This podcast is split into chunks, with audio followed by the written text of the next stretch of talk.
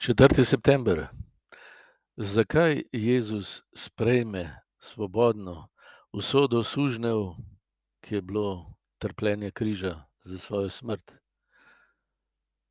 Zato, da dokonča in dopolni delo ljubezni do nas, ki mu je ga zaupal oče in s tem tudi očeta, da nas popolnoma osvobodi hudičeve laži, da je Bog hudoben in da je naše življenje namenjeno za nič.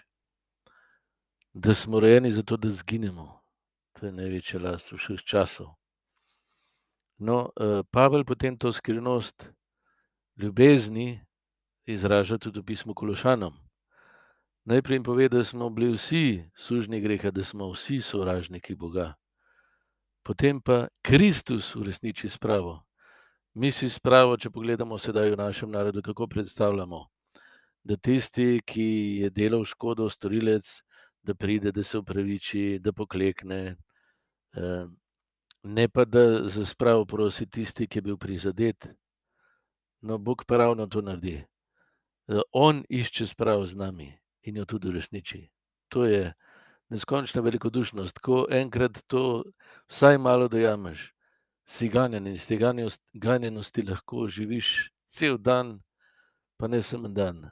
Če se v molitvi vračaš v to, lahko nenehno iz tega zajemaš. Potem pa še ta čudovit vidik, da ima Bog za nas ambicije. Hoče, da tudi mi živimo iz iste moči kot Jezus. To pomeni sveti. Iz očetove ljubezni. To so neuresničljive sanje, če razmišljam brez njega.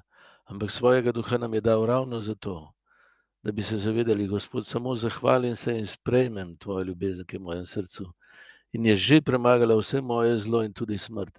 Zato lahko z nje zajemam, zato grem k maši. Da me ozdravi, da me preveže na božjo moč.